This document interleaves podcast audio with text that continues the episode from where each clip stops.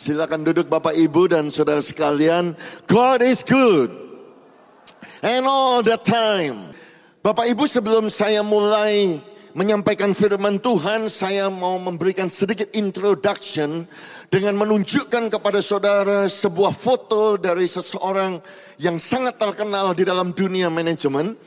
Namanya adalah Peter Ferdinand Drucker. Dia disebut the founder atau disebut the father atau disebut the guru daripada modern management. Jadi buku-bukunya itu textbooknya dipakai di banyak dunia usaha, di dunia uh, bisnis, di dunia pendidikan, di dunia uh, pemerintahan, bahkan di dunia non-profit organization. Ya, beliau begitu meninggalkan legacy yang luar biasa sehingga The Drucker Institute memakai namanya sehingga namanya dipakai di Peter F. Drucker and Masatoshi Ito Graduate School of Management bahkan di Cina saudara-saudaraku dipakai Peter F. Drucker Academy ya dan di dalam salah satu tulisannya beliau berkata di dunia ini ada empat jenis pekerjaan manajemen yang paling sulit di muka bumi ini paling sukar. Yang pertama itu presiden daripada negara yang besar President of the United States of America. Dia berkata yang kedua ada CEO daripada rumah sakit yang begitu besar dan kemudian presiden atau chairman dari universitas yang besar dan yang keempat beliau berkata, pastor of mega church, pendeta gereja yang besar. Oleh sebab itu Pak Aswin saya mau berkata bahwa pekerjaan Bapak adalah pekerjaan yang paling sulit di muka bumi ini. Kita perlu mendukung, kita perlu mendoakan, kita perlu support, kita perlu appreciate, kita punya gembala. Yang setuju dengan saya katakan amin. Haleluya. Ayo kalau mau tepuk tangan, tepuk tangan yang meriah bagi Tuhan kita. Dan sedikit komen saudaraku saya percaya kita punya pemimpin yang baik ya dan uh, saya sebagai orang Betani setiap kali saya pulang sekalipun saya mendengar ada banyak persoalan, banyak dilema, tetapi saya melihat gereja ini terus berkembang, terus direnovasi. Saudaraku atapnya warnanya berubah. Saya tanya saudara-saudaraku, ternyata saudaraku dilapisi dengan cairan yang tertentu supaya tidak bocor, bisa bertahan uh, puluhan tahun, banyak biaya yang dikeluarkan untuk renovasi. Saudara-saudaraku, buktinya kita punya gembala yang baik. Gereja berkembang, nama Tuhan dipermuliakan. Ayo tepuk tangan yang meriah bagi Tuhan kita. Amin, haleluya. Saudara siap untuk mendengarkan firman Tuhan? Saya diberikan tugas dari Bapak Gembala, satu topik atau satu tema. Jangan takut, fear not. Jangan takut Bapak Ibu dan Saudara sekalian. Kenapa ini penting? Alkitab menegaskan kepada kita sebab Allah memberikan kepada kita bukan roh ketakutan, tetapi Allah memberikan kepada kita Roh Kudus yang membangkitkan kekuatan, yang memberikan kasih dan yang memberikan ketertiban, the sound of mind, peace saudara-saudaraku, ketenangan dan damai sejahtera. Jadi Bapak Ibu, kalau ketakutan itu bukan datang dari Tuhan, datang dari mana? Jelas saudaraku datang dari setan. Datang dari iblis, datang dari lawan kita, datang dari roh-roh jahat di udara, penghulu-penghulu kegelapan. Dan ini adalah target daripada iblis, saudara-saudaraku, untuk menyebarkan the spirit of fear. Makanya di situ keluar roh ketakutan roh huruf kecil saudara-saudara. Makanya Paulus mengingatkan kita juga kepada gerejanya di Roma. Sebab kamu saudara dan saya tidak menerima roh perbudakan yang membuat kamu menjadi takut lagi. Saudara perhatikan di situ rohnya huruf kecil saudara-saudaraku. Datang dari lawan saudara-saudara. Tetapi saudara dan saya menerima roh huruf besar. Yaitu roh kudus yang menjadikan saudara dan saya saya adalah anak-anak Allah. Oleh roh itu kita bisa berseru, Ya Aba, Ya Bapa. Jadi kita percaya roh kudus menyertai kita. Sehingga kita tidak takut lagi. Yang percaya katakan amin. Ya kalau mau tepuk tangan, tepuk tangan bagi Tuhan kita saudara-saudaraku. Jangan ragu-ragu sebab memang Tuhan itu yang layak untuk dipuji. Jadi poin yang pertama yang saya mau tekankan kepada saudara adalah jangan takut. Sebab Tuhan menyertai. Taruh tangan saudara di dada sambil berkata, jangan takut. Sebab Tuhan menyertai. Saya percaya saudara bisa ngomong lebih kuat dari itu. Itu bukan itu suara ketakutan. Mari kita ucapkan dengan lebih kuat lagi. Katakan jangan takut. Sebab Tuhan menyertai. Katakan amin. Satu ketika ada peperangan antara negara yang kecil yaitu Israel tetapi dicintai oleh Tuhan.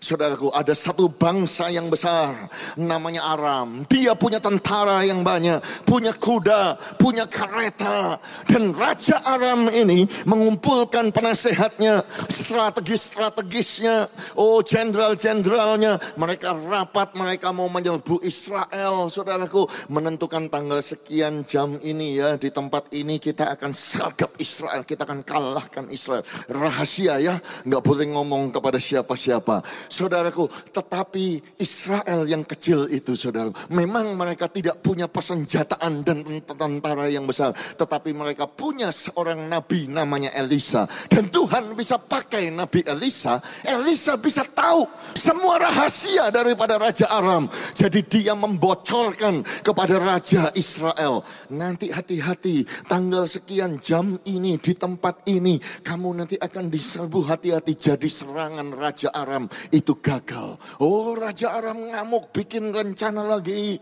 Oh dengan jenderalnya nanti kita ganti rencana. Kita serbu dari ini tanggal sekian di tempat ini. Seperti ini kita habiskan Israel. Tetapi Israel punya seorang nabi hamba Tuhan. Dan nabi itu dipakai Tuhan sehingga dia bisa tahu rahasia daripada Aram. Dia membocorkan itu kepada Raja Israel. Hati-hati di tanggal ini, jam ini kamu nanti diserang. Sehingga serangan itu gagal. Alkitab berkata bukan satu kali, bukan dua kali, tetapi bolak balik saudara-saudara. Sehingga mengamuklah hati Raja Aram tentang hal itu. Maka dipanggil semua pegawainya dan jenderalnya. Tidakkah dapat kamu memberitahukan kepadaku siapa dari kita yang memihak kepada Raja Israel? Pasti ada mata-mata ini. Pasti ada yang membocorkan ini. Ngamuk dia. Tetapi pegawainya berkata, tidak Tuanku Raja, nggak ada. Kita ini semua setia. Kita ini semua setia. tapi itu loh gara-gara ada Elisa itu loh. Nabi yang di Israel. Dia yang memberitahukan. Dia yang membocorkan kepada Raja Israel. Bahkan tentang perkataan yang diucapkan oleh Tuanku di kamar tidurmu. Oh saudaraku. Saya waktu baca ayat itu saya berkata Tuhan kok ajaib. Kapan saya dipakai sama Tuhan. Seperti Tuhan pakai Elisa bisa tahu rahasia jemaat saudara-saudaraku. ya. Nah jadi saudara-saudaraku Raja Aram itu ngamuk. Oh kalau begitu kita tangkap nabinya. Kita kalahkan nabinya, kita bisa kalahkan bangsa Israel. Jadi beritahukan di mana nabi itu tinggal. Mereka berkata dia ada di Dotan. Maka dikirimkannya lah ke sana kuda serta kereta dan tentara yang besar. Di ayat yang ke-15 saudaraku. Ketika pelayan abdi Allah itu bangun pagi-pagi dan pergi keluar, maka tampaklah suatu tentara dengan kuda dan kereta yang ada di sekeliling kota itu. Memang Ayat ini tidak menyebutkan siapa namanya, tetapi banyak ahli teologi percaya namanya adalah Gehasi. Dia adalah bujang daripada Elisa. Jadi ketika dia melihat di kebun, ketika dia melihat nyawanya terancam, ketika dia melihat dia mau dibunuh saudara-saudara, lalu berkatalah bujang itu kepada celaka Tuanku, celaka ini, apakah yang akan kita perbuat? Saya sering kali bertemu dengan orang Kristen saudaraku. Ketika mereka bangun pagi dan berhadapan dengan jalan buntu. Langsung mereka ngomong mati aku, mati aku. Celaka ini, celaka. Oh ada kepanikan saudara. Ketika orang Kristen mulai mendengar, mendapatkan laporan MRI. Laporan dari dokter, laporan dari laboratorium tes darah. Celaka aku ini, mati aku celaka. Banyak orang Kristen ketika mereka melihat keadaan suami, keadaan istri, keadaan anak-anak celaka ini. Bagaimana nasib, bagaimana nasib keluarga kita? Celaka, celaka. Ketika mereka mendengar berita oh, di televisi, ketika mereka mendengar ada krisis ekonomi, celaka ini, celaka. Bagaimana ini? Mereka mulai takut. Saudara-saudaraku, kalau ada di antara saudara yang ada dalam keadaan demikian, saya percaya firman Tuhan ini adalah jawaban buat saudara dan saya. Elisa menjawab, jangan takut sebab lebih banyak yang menyertai kita daripada yang menyertai mereka. Yang percaya katakan amin. Yang tidak takut tepuk tangan bagi Tuhan kita. Oh haleluya. Haleluya. Tuhan tidak pernah meninggalkan kita. Itulah sebabnya namanya disebut Immanuel. Dia yang ada, dia yang bersama, dia yang tinggal di dalam kita. Oh tetapi Pak saya tidak kelihatan Tuhan. Tetapi Pak kenapa kok saya mengalami persoalan dalam hidup ini? Kenapa? Saya pun tidak tahu saudaraku jawabannya apa kalau saudara itu hidup dalam banyak persoalan. Kalau saya diizinkan untuk menjawab, that's life. Itulah kehidupan saudara. Selama saudara masih hidup di muka bumi ini cuaca itu masih bisa berubah. Selama saudara hidup di muka bumi ini apa pun bisa terjadi. Saudara-saudara. Jadi bukan berarti saudara seperti Gehasi, bujangnya Elisa, mulai melayani, mulai bertobat lahir baru, dibaptiskan, mulai memberi, mulai mengangkat tangan memuji, menyembah. Yo, kalau jadi orang Kristen itu rasanya semuanya enak, tenang, damai, uang banyak, kaya terus, umur panjang terus, nggak pernah sakit, nggak pernah kas, kena virus, nggak pernah ke dokter, keluarga manis, nggak pernah berantem, anak-anaknya semua manis. Oh, semuanya berhasil, keturunannya semuanya berhasil, orang tua semuanya berhasil, semuanya enak. Saudara-saudaraku bukan begitu. Kalau semuanya enak seperti itu, saudara sama saya nanti kerasan tinggal di Surabaya, saudara. Kita kerasan tinggal di muka bumi ini. Kita lupa, saudaraku, bahwa rumah kita bukan di sini, ini cuma sementara. Rumah kita itu nanti di surga yang kekal, yang Tuhan sudah sediakan. Yang setuju katakan amin. Ya, jadi Tuhan tidak pernah berjanji langit itu selalu biru, tetapi yakinlah pada malam hari ini, percayalah pada malam hari ini bahwa Tuhan tidak pernah meninggalkan engkau dalam segala keadaan, dalam keadaan badai, dalam keadaan krisis, saudara-saudara, dalam keadaan kau sendirian, dalam keadaan kau ditinggalkan. Firman Tuhan berkata, Allah berfirman, aku sekali-kali tidak akan membiarkan engkau Aku sekali-kali tidak akan meninggalkan engkau. Sebab itu dengan yakin kita dapat berkata Tuhan adalah penolongku. Aku tidak akan takut. Apakah yang dapat dilakukan manusia terhadap aku? Taruh tangan saudara di dada sambil berkata Tuhan adalah penolongku. Aku tidak akan takut. Kasih salam kepada sebelah saudara Tuhan adalah penolongmu jangan takut. Oh haleluya. Memang zaman ini sukar. Banyak orang yang komplain Pak perputaran uang bisnis itu sukar. Ya pekerjaan sukar dan lain sebagainya. Tetapi kalau saudara tanya kepada saya ada banyak bisnis yang berhasil saudara-saudara. Ada bisnis-bisnis yang semakin berkembang di zaman kesukaran ini.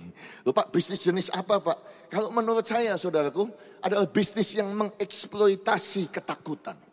Ya, Saudara bukan berarti saya tidak setuju atau saya mau menjelekkan jenis bisnis tertentu. Bukan saudara-saudara. Tetapi ini biarlah ini menjadi satu pelajaran bagi saudara.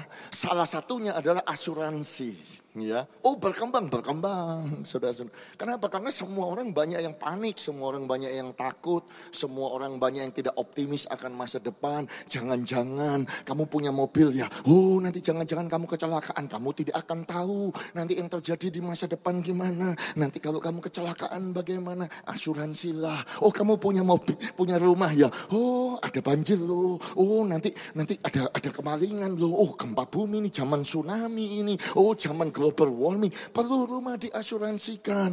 Oh, kamu kamu kamu tahu kesehatan perlu asuransi. Nanti kalau masuk rumah sakit bagaimana? Mahal, dokter mahal, obat mahal, perlu diasuransikan. Anak kamu masih kecil. Oh, apa pun bisa terjadi. Kehidupan itu seperti roda. Ya nanti masa depan kamu bagaimana? Perlu asuransi. Jadi ada asuransi kesehatan, ada asuransi jiwa, ada asuransi pendidikan, ada macam-macam. Ada travel insurance. Oh, kamu mau jalan-jalan ke mana? Disneyland. Oh, sekalipun engkau senang-senangan. Oh, di situ banyak copet itu. Oh, nanti begini. Makanya asuransi. Di mana-mana bayar asuransi, saudara-saudaraku.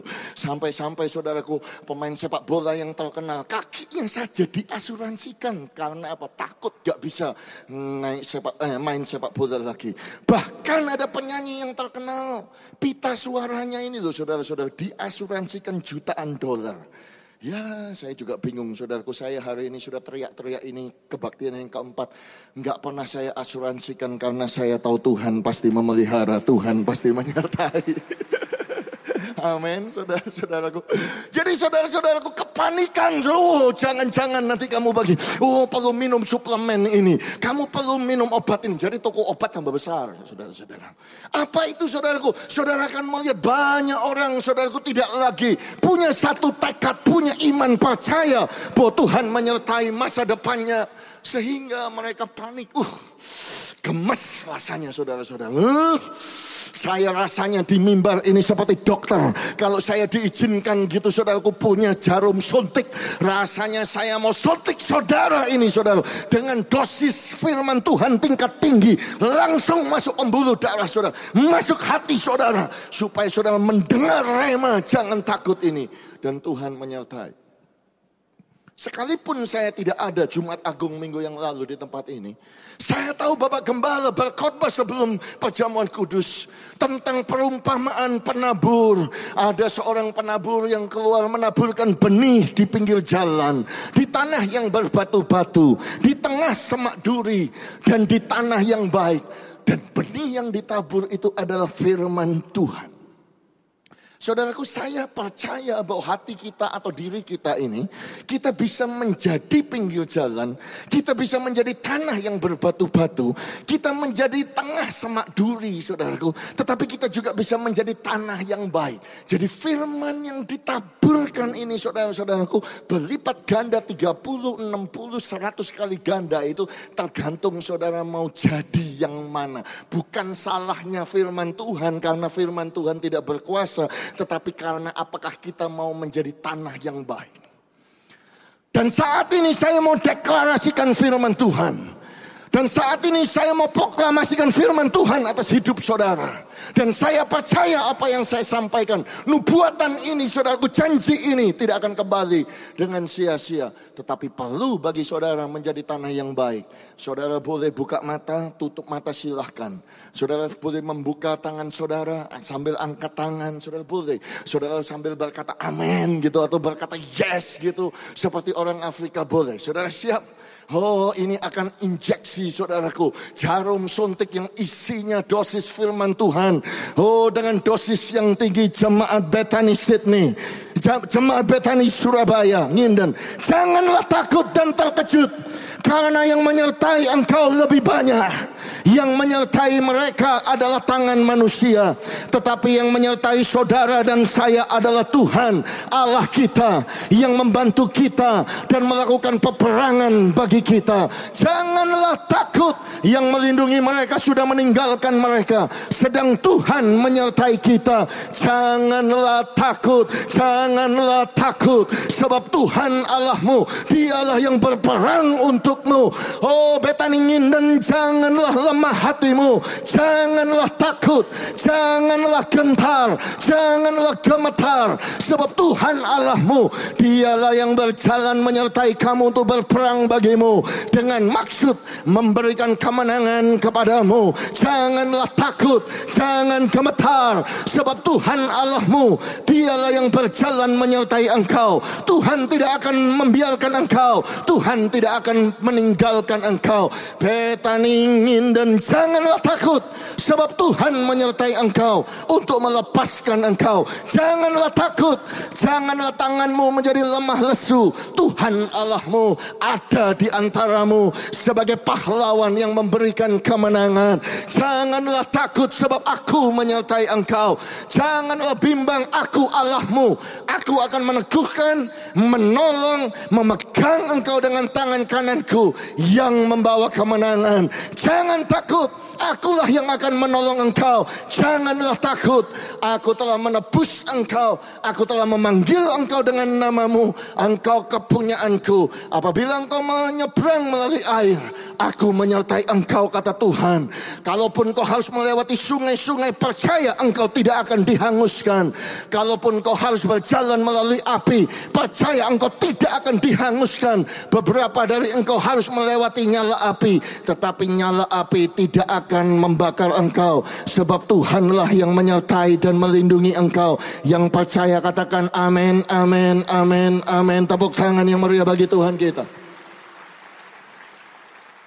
Oh haleluya.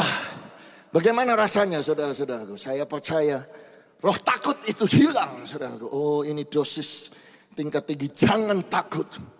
Sebab Tuhan menyertai. Yang kedua saudara-saudaraku. Jangan takut Sebab yang lama sudah berlalu, yang baru sudah datang. Yang lama sudah nggak ada, yang lama itu sudah lenyap, yang lama itu sudah hilang, dan Tuhan sedang menggantikan yang baru. Itu maksudnya, saudara-saudara. Ya, Berapa banyak di antara saudara yang sudah percaya kepada Tuhan Yesus Kristus, terima Tuhan sebagai Tuhan dan Juru Selamat lahir baru dibaptiskan. Angkat tangan saudara tinggi, tinggi, tinggi, tinggi. Alkitab berkata, engkau ada di dalam Kristus. Dan kalau engkau ada di dalam Kristus, engkau adalah ciptaan yang baru. Yang lama sudah tidak ada. Sesungguhnya yang baru sudah datang. Tetapi kenapa saudaraku saya perhatikan, banyak di antara kita gampang diserang oleh iblis, gampang diserang dan diberikan the spirit of fear, gara-gara kita masih sering melihat yang sudah nggak ada, masa lalu, saudara-saudara. Saya mengerti dunia ini, saudaraku berkata bahwa kalau masa lalumu itu sangat menentukan masa depanmu. Sebab kalau masa lalumu itu keturunan miskin, kin, kin, kin, kin, masa depanmu itu akan miskin. Kalau engkau datangnya dari penyakit orang tua, semua keturunan DNA, genetik, sakit, uh, jantung, kanker tumor, dan lain sebagainya, dan lain sebagainya, masa depanmu juga akan seperti itu. Kalau engkau datang dari broken home, gagal di dalam pernikahan, banyak yang cerai, cerai, cerai, makanya engkau juga akan gagal di dalam pernikahan pernikahanmu. Kalau engkau di masa lalu engkau melakukan kesalahan ini, engkau membuat ini, itu yang akan terjadi. Terrefleksikan di dalam masa depanmu. Saya mau katakan kepada saudara, your past is not your future. Masa lalumu bukan masa depanmu. Sebab masa lalumu sudah berlalu. Itu sudah tidak ada dibuang oleh Tuhan. Dan Tuhan berikan masa depan yang baru. Masa depan yang baik. Masa depan yang cerah. Masa depan yang penuh dengan harapan. Yang setuju dengan saya katakan amin. Haleluya. Tetapi iblis itu saudaraku selalu membuat saudara dan saya melihat yang ke belakang. Melihat yang sudah nggak ada. Yang sudah berlalu. Makanya wahyu saudaraku memberikan nama lain kepada iblis atau setan saudara. Jadi setan itu namanya bukan saja Beelzebul, bukan saja itu saudara. Bukan saja Legion saudara, bukan saja Lucifer. Tetapi ada nama lain yaitu apa? Pendakwa saudara-saudara kita yang mendakwa mereka siang dan malam. Artinya apa? The accuser. Dialah yang menuduh. Itu loh kamu nggak mungkin. Kamu itu datang dari kelompok terkutuk. Engkau pasti terkutuk. Engkau datang dari kelompok yang demikian. Masa lalumu demikian. Makanya Petrus itu kasih nama lain untuk setan, saudara-saudaraku. Petrus kasih nama setan itu singa, saudara. Sadarlah dan berjaga-jagalah. Lawanmu itu iblis berjalan keliling sama seperti singa. Jadi iblis itu kerjanya mengaum, mengaum, mengaum. Membuat saudara selalu melihat ke belakang, saudara-saudara. Makanya Yohanes berkata semua yang diaum-aumkan itu semuanya bohong. Makanya Yohanes kasih nama iblis itu pendusta, pembohong. Bahkan dia ngomong sumbernya pembohong itu sumbernya dusta, semua dusta itu iblis. Makanya dia disebut bapaknya segala dusta. Dan hari ini saya tambah nama lain daripada iblis yaitu kemarin, saudara-saudara. Karena kemarin itu selalu membuat saudara dan saya menoleh ke belakang, saudara-saudara. Oh, selalu kita menoleh ke belakang. Kalau kita selalu menoleh ke belakang, saudaraku timbul ketakutan sehingga kita tidak bisa melihat ke depan, saudaraku dengan penuh iman. Bukankah barang siapa yang menoleh ke belakang tidak layak untuk kerajaan Allah. Saudara. Makanya iblis selalu berusaha, ayo noleh ke belakang terus, noleh ke belakang terus. Lihatlah ke belakang. Hari ini saya berkata, lihatlah ke depan. Ada sesuatu yang baru, ada sesuatu yang indah. Tuhan sudah sediakan buat saudara dan saya. Jangan takut. Yang setuju katakan amin. Oh haleluya. Dan untuk mengilustrasikan ini saya mau mengambil satu waktu yang cukup panjang. Saya mau berbicara tentang satu hari yang mereka nanti-nantikan di Israel, saudara-saudaraku.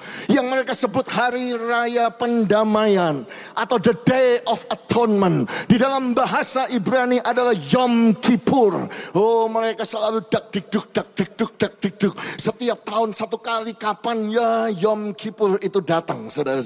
Oh kapan ya the day of atonement karena satu tahun cuma satu kali. Karena apa? Biasanya di akhir daripada hari Yom Kippur itu mereka bisa menari, mereka bisa bersuka cita, mereka bisa menatap hari depan saudaraku tanpa ketakutan, tanpa kekhawatiran, optimis bahwa Tuhan itu menyertai dan berkenan atas mereka. Apa itu Pak hari pendamaian? Hari pendamaian itu saudara-saudaraku ada satu hari yang banyak upacaranya. Ada banyak liturginya. Dan kalau saudara lihat imamat pasal 16. Oh imamnya harus begini, pakai pakaian jenisnya begini, saudara-saudaraku. Kemudian harus membasuh dirinya, harus membawa korban untuk dirinya, mentahirkan dirinya, keluarganya, terus harus begini, begini, begini, saudara-saudara. Ya, dan setelah itu di ayat yang ketujuh, dikatakan ia harus mengambil kedua ekor kambing jantan itu dan menempatkannya di hadapan Tuhan di depan pintu kemah pertemuan. Jadi ternyata harus dua ekor kambing jantan. Bukan satu, saudara kau dua. Loh, Pak kenapa kok dua? Dijelaskan di ayat yang ke-8 dan dia harus membuang undi atas kedua kambing jantan itu. Sebuah undi bagi Tuhan dan sebuah bagi Azazel. Jadi harus dua ekor dan kemudian diundi. Setelah diundi sudah yang kena bagi Tuhan diumumkan. Yang ini bagi Tuhan. Yang ini bagi Azazel. Pak, Azazel tidak ada pak di dalam bahasa Indonesia. Memang bukan Gak ada dalam bahasa Indonesia itu bahasa Ibrani, saudara. Dan itu sulit diterjemahkan. Makanya saudara lihat Alkitab bahasa Indonesia tetap pakai kata Azazel. Saudara lihat Alkitab bahasa Inggris tetap pakai kata Azazel. Tetapi ada sebagian yang mendeskripsikannya sebagai scapegoat, saudaraku. Bahasa Indonesianya kambing hitam.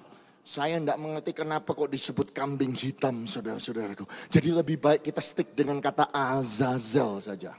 Ya, tetapi jangan salah paham saudaraku karena kalau saudara Google kata Azazel sekarang yang keluar nama Azazel itu adalah namanya setan saudara-saudaraku.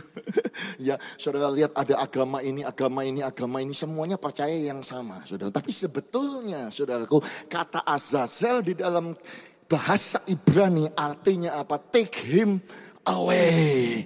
Usir dia, enyahkanlah dia, buang dia jauh-jauh, bawa dia pergi jauh. Begitu tuh artinya Azazel. Jadi sekali lagi saudaraku dua ekor kambing harus bawa, dibuang undi. Satu bagi Tuhan, satu bagi Azazel. Kemudian kita lanjutkan ayat yang ke-9. Lalu Harun harus mempersembahkan kambing jantan yang kena undi bagi Tuhan itu. Dan mengolahnya sebagai korban penghapus dosa. Nah saudaraku, yang bagi Tuhan ini harus disembelih. Waktu saya mengecek catatan khotbah saya, Saudaraku ternyata dua tahun yang lalu Jumat Agung saya diberi tugas untuk menyampaikan firman Tuhan di tempat ini. Saya sudah khotbah saudaraku mendramakan saudaraku ayat yang ke-9. Bagaimana domba itu harus disembelih. Jadi saya tidak mau mengulangi karena itu cukup panjang saudaraku. Saya mau konsentrasi di ayat yang ke-10. Tetapi kambing jantan yang kena undi bagi Azazel haruslah ditempatkan hidup-hidup di hadapan Tuhan untuk mengadakan pendamaian lalu dilepaskan bagi Azazel ke padang gurun. Jadi saudara lihat bahwa kambing jantan yang kena undi bagi Azazel, dia harus hidup, saudara-saudaraku. Dia harus mengadakan pendamaian. Setelah itu baru dia dibuang, dilepaskan jauh ke padang gurun. Itu maknanya. Ya. Jadi setelah imam itu saudaraku melakukan semua upacara dan liturgi dan lain sebagainya dan lain sebagainya. Dan setelah dia selesai di ayat yang ke-20. Setelah selesai mengadakan pendamaian bagi tempat kudus dan kemah pertemuan serta mesbah.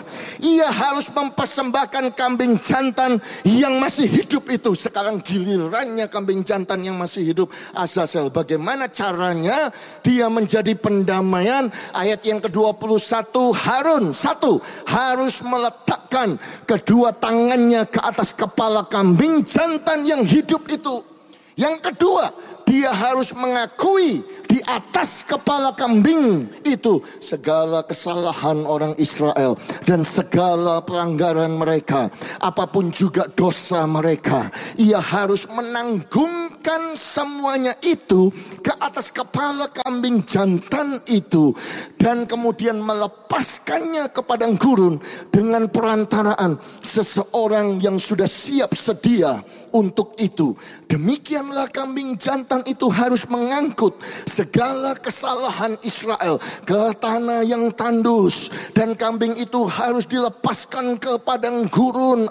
Loncat di ayat yang ke-26 maka orang yang melepaskan kambing jantan bagi Azazel itu harus mencuci pakaiannya, membasuh tubuhnya dengan air. Dan sesudah itu barulah boleh masuk ke perkemahan. Jadi saudara-saudaraku bagaimana pendamaian atonement dengan kambing jantan Azazel. Yang pertama imam itu harus tumpang tangan atas kambing jantan Azazel. Nah Saudara perlu tahu bahwa tumpang tangan itu bukan berarti pegang, saudara-saudaraku ya. Disentuh langsung. Enggak, saudara-saudara. Kenapa saya berkata demikian? Karena di dalam perjanjian lama ada hukum. Imam tidak boleh pegang orang sakit. Enggak boleh pegang orang sakit, iya enggak boleh pegang. Tapi imam boleh tumpang tangan atas orang sakit. Oh boleh, jelas. Imam boleh enggak pegang menyentuh orang kusta? Enggak boleh. Tapi bolehlah iman itu tumpang tangan atas orang kusta? Boleh. Karena apa? Karena ketika engkau tumpang tangan, belum tentu engkau harus pegang kepalanya, saudara-saudaraku. Karena tumpang tangan, the laying of hand, itu artinya mengimpartasikan. Artinya saudaraku menanggungkan, saudara. Itu sebabnya di dalam gereja kita, saudaraku, selesai uh, sebelum ibadah ini bubar, biasanya apa yang terjadi? Bapak Gembala maju ke depan, atau Om Kris maju ke depan sebagai wakil Gembala. Kemudian apa yang dilakukan? Om Kris akan akan mengangkat tangannya begini, mengarahkan kepada saudara, dan kemudian mendeklarasikan berkat. Oh, the Lord bless you and the Lord keep you. The Lord make his face shine upon you and be gracious to you. The Lord lift up his countenance and give you peace. Oh, berkat yang berlimpah dari Allah Bapa. Kasih karunia yang senantiasa baru dari Tuhan Yesus. Kekuatan kuasa mujizat tanda ajaib sweet kononia persekutuan dengan roh kudus. Memberkati engkau, membuat engkau sukses, membuat engkau sembuh, apa yang kau kerjakan dibuat Tuhan berhasil. Terimalah berkat ini mulai hari ini sampai selama-lamanya. Betul nggak saudara? Apakah gembala pegang kepala saudara? Enggak. Tapi tumpang tangan atas saudara. Ya, saudara-saudara. Karena ketika tumpang tangan itu saudaraku atas saudara. Kami percaya berkat rohani. Kami percaya semua yang positif. Semua hadiah yang sempurna yang datangnya dari Bapak. Diberikan kepada saudara jemaat Betani Nginden. Yang percaya katakan amin. Ayo tepuk tangan yang meriah bagi Tuhan kita. Haleluya. Tetapi di dalam tumpang tangan atas kambing Azazel ini, uh, kata di dalam bahasa Ibrani yang dipakai agak berbeda, saudaraku, karena katanya kata yang dipakai adalah malah. Kenapa memakai kata malah saudaraku? Karena yang ditumpangkan, yang ditanggungkan, yang diimpartasikan bukan berkat, bukan. Bukan yang baik, bukan justru yang jahat, justru yang jelek saudaraku ditumpangkan. Ya semua pelanggaran, semua dosa, semua kejijikan, semua kutuk, semua kelemahan, semua hukuman itu ditumpangkan saudara-saudara. Dan ketika saya menyelidiki menyelidiki kata semua, saudara di dalam bahasa Ibrani arti semua itu ya semua. Semuanya ditumpangkan yang jelek. Dan karena yang jelek itu ditumpangkan, saudaraku, malah itu artinya sambil tumpang tangan, sambil mem membuang muka. Itu yang dilakukan saudara. Karena imam itu tidak lagi bisa melihat terlalu jijik saudaraku. Maut, kutuk ditumpangkan atas engkau dosa, pelanggaran, kematian menoleh begini. Itu namanya malah dan itulah yang dilakukan imam pada waktu the day of Yom Kippur. Tetapi ketika engkau membuka perjanjian baru saudaraku, saya percaya semua penulis Injil itu mempresentasikan the good news, the gospel itu saudara-saudaraku. Mau berkata kepada orang Yahudi bahwa sebetulnya yang kau lihat itu adalah manifestasi dari Yom Kippur. Itu sebabnya John the Baptist, Yohanes Pembaptis ketika Tuhan Yesus Yesus datang di sungai Jordan, dia berkata apa? Lihatlah anak domba Allah yang menghapus dosa seluruh dunia. Itu sebabnya satu Yohanes 2 ayat 2 dan ia Yesus adalah pendamaian. Bukankah itu bahasa di atonement Yom Kippur? Dikatakan pendamaian untuk apa? Segala dosa kita, bukan dosa sebagian, bukan dosa yang kecil, bukan dosa yang sementara, dosa kita semuanya dan bukan saja semua dosa kita, tetapi juga untuk seluruh dosa seluruh dunia. Jadi apa yang terjadi di atas kayu salib itu Allah Bapa saudaraku melakukan malah tumpang tangan saudaraku atas Tuhan Yesus di atas kayu salib. Semua dosa itu ditanggungkan. Itu sebabnya Yesus berseru di atas kayu salib. Eloi, Eloi, Eloi, lama sabaktani. Mengapa Tuanku, Tuanku, mengapa engkau membuang wajahmu dari aku? Mengapa Mengapa kau meninggalkan aku? Malah, wow, harusnya semua orang yang melihat saudara-saudaraku penyalipan Kristus Yesus. Wait a minute, tunggu sebentar. Jangan-jangan kita melihat Yom Kippur tepat di depan mata kita. Wow. Jadi setelah imam itu melakukan malah, saudara-saudara. Imam itu harus melakukan sesuatu atas kambing jantan Azazel yang hidup itu. Imam itu akan mengambil, saudaraku, tali kirmisi atau kain kesumba yang berwarna merah seperti darah. Dan kemudian saudaraku menaruh di atas kepalanya.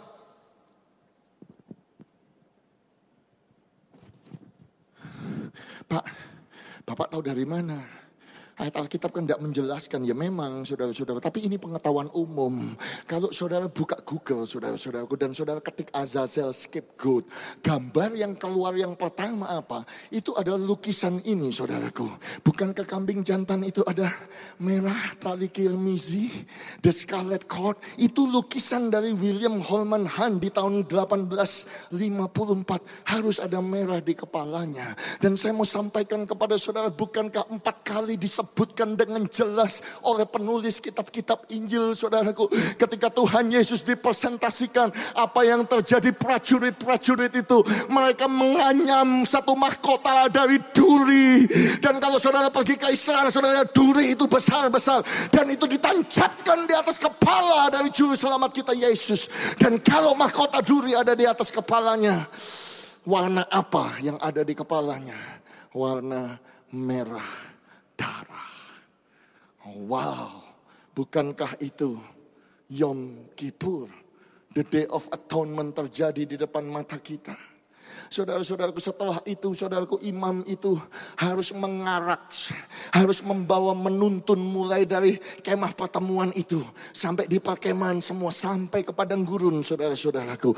Dan saudara perlu tahu bahwa pada saat itu yang kumpul saudara-saudaraku. Paling sedikit setengah juta orang saudara. Itu yang laki-laki kalau saudara lihat di perjanjian lama zamannya Musa saudara-saudaraku. Yang paling sedikit kumpul di situ.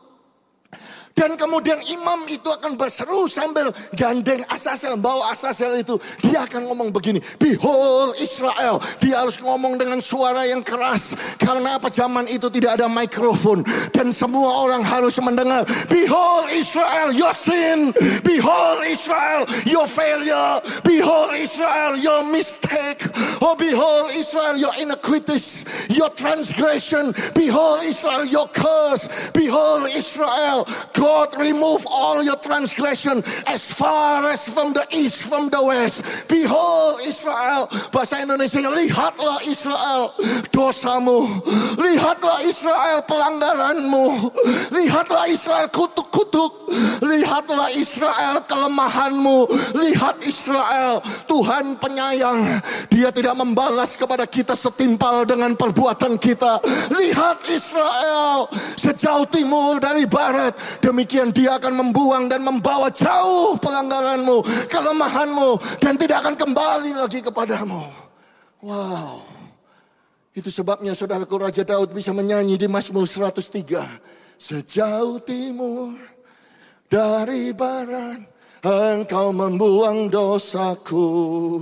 Tiada kau ingat lagi pelanggaranku. Itu sebabnya Mika pasal yang ketujuh ayat yang ke-19. Jauh ke dalam tubi laut kau melemparkan dosaku. Tiada kau perhitungkan kesalahanku. Dan kalau saya mengajak saudara ke zaman pasca Tuhan Yesus Kristus disalibkan. Setelah dia dipresentasikan dengan tanda merah warna merah di atas kepalanya. Oh kayu salib itu dipikulkan di atas bahunya. Dan dia harus berjalan 14 station Via Dolorosa. Jalan penderitaan. Di tengah-tengah pasar, di tengah-tengah begitu banyak orang saudara-saudara. Supaya semua orang melihat, lihatlah rajamu ini orang Yahudi. Dia akan disalibkan, dia yang menghujat Tuhan. Dan semuanya menonton. Saudara-saudara. Wait a minute. Kalau saudara ada pada saat itu. Dan saudara melihat. Dan saudara orang Yahudi, orang Isa. Wow. Jangan-jangan kita melihat satu penggenapan. Jangan-jangan kita melihat satu satu upacara Yom Kippur di depan kita. Itu sebabnya semua rombongan saya yang ikut ke Israel. Setiap tahun saya bawa rombongan saudara-saudara. Dan saya selalu berkata jalan Via Dolorosa ini adalah jalan saya tidak mau engkau foto, saya tidak mau engkau shopping, saya tidak mau engkau berhenti, saya mau engkau pakai salib. Bukan berarti kita gaya-gayaan. Tetapi supaya kita fokus karena ketika kita jalan kita akan dilihat orang. Kita akan melewati jalan saudaraku. Toko-toko makanan kanan kiri, souvenir kanan kiri saudara-saudara. Oh baunya begitu wangi dan lain sebagainya. Wow. Dan saudara perlu tahu bahwa hari itu adalah Sabat of Solemn Rest. Di dalam bahasa Indonesia-nya adalah hari perhentian yang penuh. Sabat yang penuh. Ini adalah ketetapan untuk selama-lamanya. Jadi semua orang itu saudaraku mereka nggak nggak kerja kan saudara. Mereka tidak boleh berbuat apa-apa dan mereka hanya menonton saja satu demonstrasi di mana Tuhan sedang membuang kesalahan orang Israel dengan kambing itu ditumpahkan kepada Azazel dan Azazel itu dipertunjukkan dengan ada merah di situ saudara-saudaraku di bawah dan semua orang menonton saja hanya melihat saja. Wow. Bukankah itu gambaran yang sempurna bahwa sebetulnya keselamatan itu semuanya karena Tuhan dan hanya oleh Tuhan saja? Bukankah itu adalah gambaran yang sempurna that salvation always by the grace through faith, saudara-saudaraku? Bukan karena usaha kita. Makanya Paulus berkata karena kasih karunia saja kamu diselamatkan oleh iman, bukan hasil usahamu, tetapi pemberian Allah, bukan hasil pekerjaanmu. Jangan ada orang yang memegahkan diri. Paulus di dalam Roma pasal yang ketiga oleh kasih karunia telah dibenarkan dengan cuma-cuma karena penebusan dalam Kristus Yesus. Kenapa cuma-cuma? Kenapa gratis? Bukan murahan saudara-saudaraku jadi gratis. Tetapi karena orang yang paling kaya dan seluruh kekayaan dunia ditumpuk pun tidak bisa membeli keselamatan yang diberikan ke Tuhan Kepada kita. Mereka hanya menonton saja saudara-saudaraku. Bukankah pada saat itu mereka juga hanya menonton saja Yesus naik ke atas kayu salib. Dan saya mau katakan kepada saudara pada malam hari ini. Saudara dan saya kita selamat itu bukan karena kita pintar. Bukan karena kita baik. Bukan karena kita menolong orang atau kita itu punya hati tulus. Bukan. Semuanya karena begitu besar kasih Allah akan saudara dan saya. Ayo tepuk tangan yang lebih meriah untuk kasih karunia Tuhan buat saudara dan saya. Sehingga ia mengaruniakan anaknya yang tunggal yaitu Yesus Kristus Tuhan. Sehingga barang siapa yang percaya kepadanya tidak binasa melainkan beroleh hidup yang kekal. Oh saudaraku imam itu membawa kambing Azazel keluar saudaraku di depan ratusan ribu orang. Dan sampai di perbatasan sebelum ke padang gurun. Sebelum dia menyerahkan Azazel itu kepada seseorang yang siap sedia yang sudah tahu jalan, yang bisa bawa kambing ini sejauh-jauhnya dan memastikan kambing ini tidak bisa balik lagi, kira-kira begitu. Karena membuang semua pelanggaran jauh, saudaraku. Sebelum itu terjadi, dia akan memotong, saudaraku, tanda the scarlet cord di atas kepala itu, saudara-saudaraku. Dan kemudian dia akan membawa scarlet cord ini kembali, saudara imam itu. Dan kemudian dia akan meletakkannya, saudaraku, di depan altar itu, di depan pintu kemah itu. Sehingga apa? Sehingga semua orang Israel melihat ada ada satu tanda tali kilmisi berwarna merah darah Oh, bukankah saudara mengingat ketika ada dua pengintai itu datang ke rumah dari Rahab si pelacur itu. Kedua pengintai berkata kami akan hancurkan Jericho. Kami akan bumi hanguskan. Semua yang tua muda, tanah-tanah akan kami hanguskan. Tetapi engkau perlu tahu, engkau harus menaruh tanda tali kirmisi, the scarlet cord di jendela rumahmu. Kami tidak peduli semua yang tinggal di dalam rumahmu. Kaummu, ayahmu, keluargamu, paman, kakek, nenek, anak, saudara kami tidak peduli. Ketika kemusnahan itu datang dan kemusnahan itu melihat the scarlet cord kemusnahan itu akan lewat, akan pass over, akan mengadakan pesah, akan mengadakan paskah. Berapa banyak yang percaya ada tanda darah di dalam hidup saudara dan keluarga saudara, angkat tangan saudara. Artinya tidak ada malapetaka dan tidak ada tulah yang akan bisa masuk dalam rumahmu. Yang percaya katakan amin. Seribu rebah di sebelah kiri, sepuluh ribu di sebelah kanan itu tidak akan menimpa saudara. Artinya tidak ada virus, tidak ada sakit penyakit, penyakit penyakit sampar, penyakit yang macam-macam yang disebutkan di Mazmur pasal 91. Saya nggak peduli mereka hanya akan lewat saja. Oh haleluya. Dan kalau saudara tangkap firman ini saudara. Oh, hidup saudara akan berubah. Saudara tidak akan mudah panik, saudara tidak akan takut lagi karena saudara tahu. Saudara ada pelindungan, ada penyertaan Tuhan. Saudaraku kemudian saudara-saudaraku kambing Azazel itu dibawa oleh orang yang sudah siap sedia yang tahu jalan. Jauh sampai di mana? Sampai di atas bukit saudaraku yang disebut Mount Azazel. Di dalam bahasa Arab saudaraku namanya Jabal Muntar. Ya, naik ke atas dijungkrakkan begitu saudaraku masuk jurang supaya mati. Ya, dan di atas tempat ini saudaraku ada peninggalan gereja di abad Bizantium. Jadi saya bicara tentang tahun ke-300, 400. Ya ada peninggalannya di sana. Duh Pak, kenapa harus mati Pak? Bukankah dia harus hidup? Dibawa jauh ke padang gurun. Ya, ya memang harusnya begitu.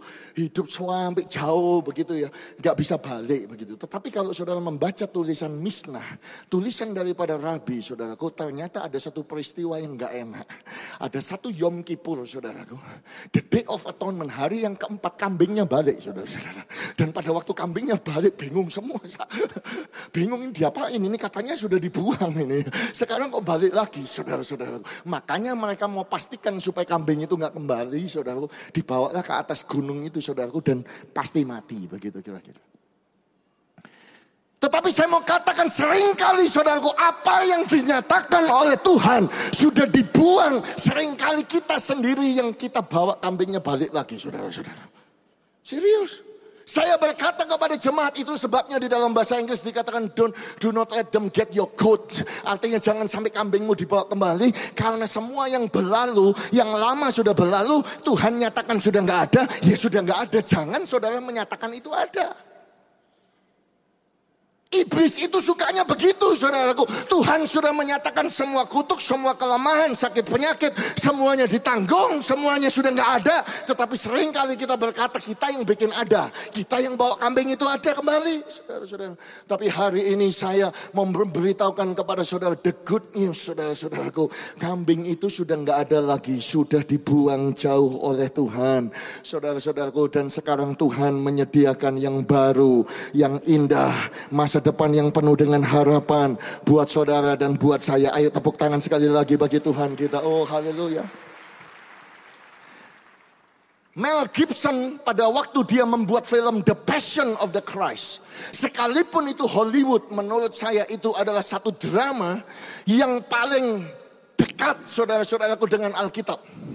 Kenapa saudaraku? Karena dia mengundang semua ahli teologi untuk membuat skripnya, saudara. Makanya The Passion of the Christ itu bukan dalam bahasa Inggris, tetapi dalam bahasa Ibrani saudara-saudara. Tetapi menurut saya, saudara, ada sesuatu yang sedikit tidak tepat. Kalau saya bisa memberikan kritik atau masukan, saudara-saudaraku, saudaraku, di dalam peristiwa apa, Pak? Di dalam peristiwa ketika Tuhan Yesus di, di mahkotai duri ada tanda merah, saudara-saudaraku. Dan kemudian orang banyak ada, saudaraku. Dan kemudian orang banyak itu akan berseru di dalam film itu. Crucify him, crucify him, crucify him.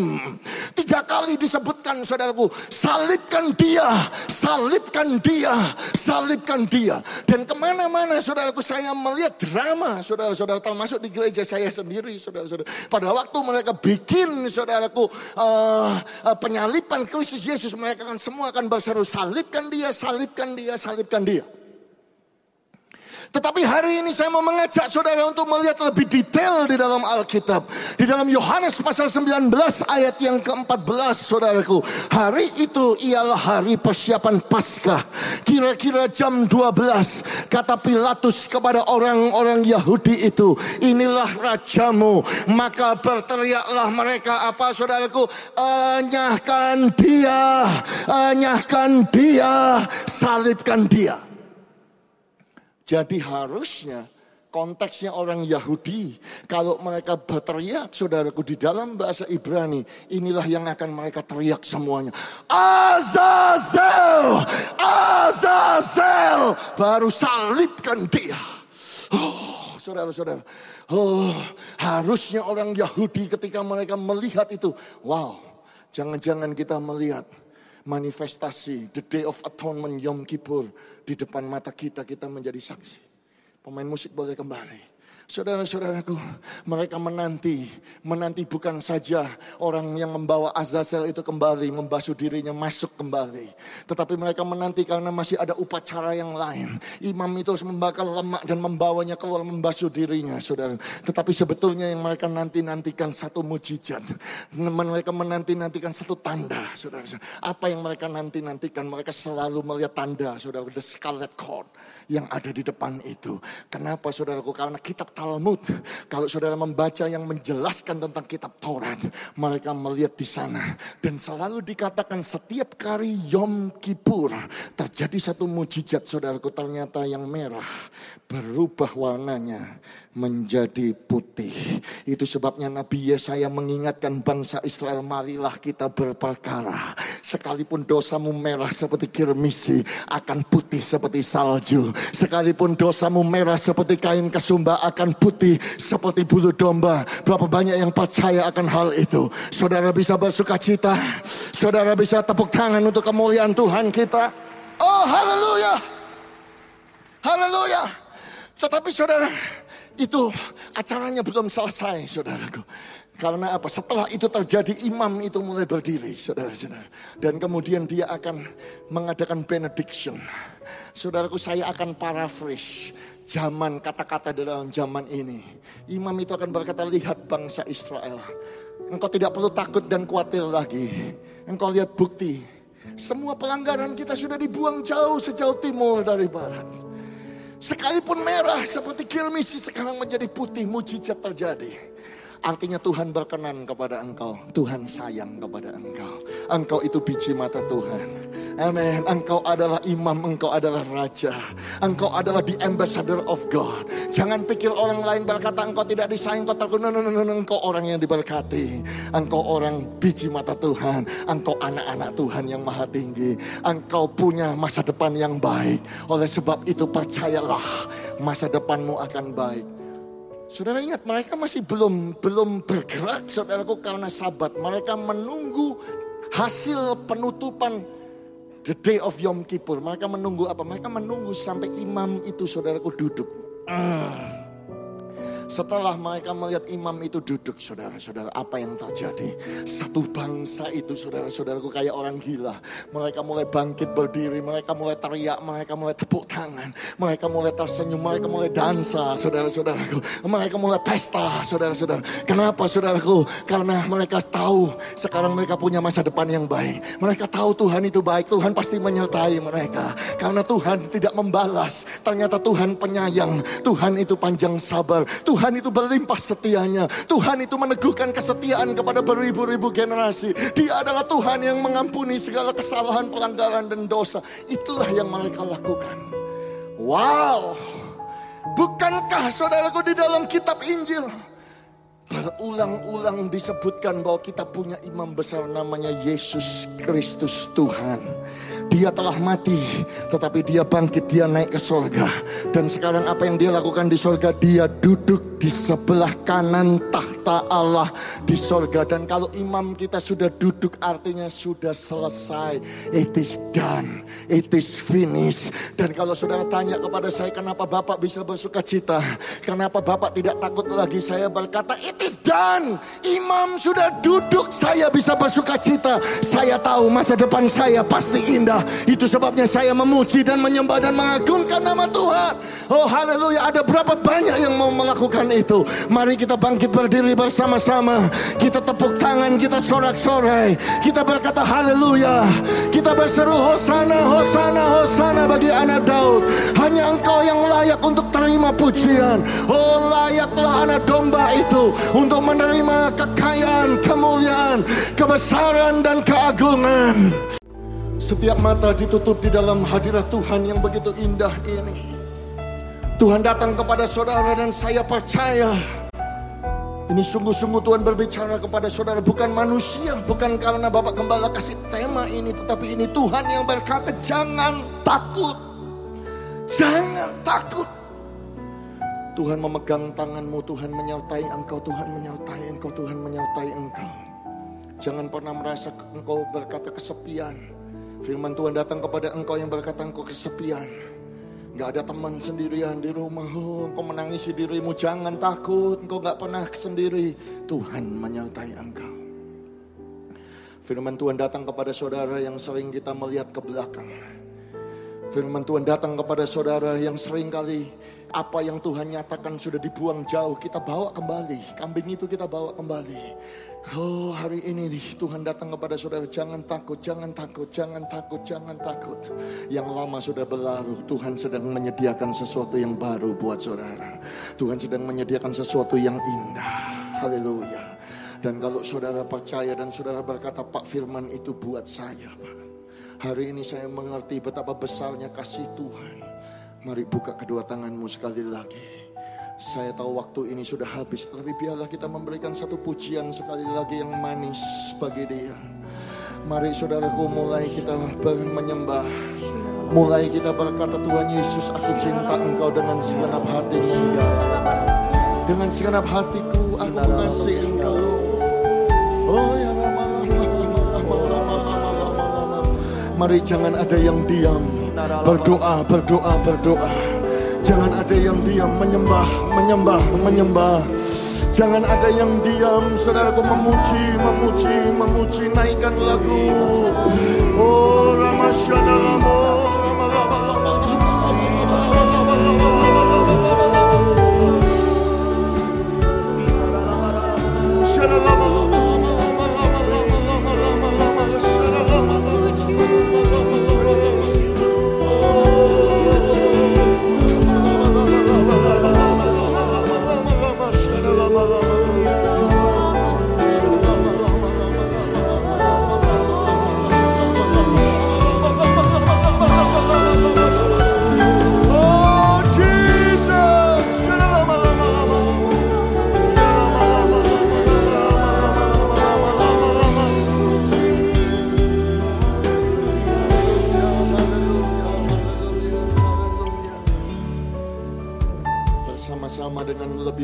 lagi dengan sambil tangan terangkat. Yesus.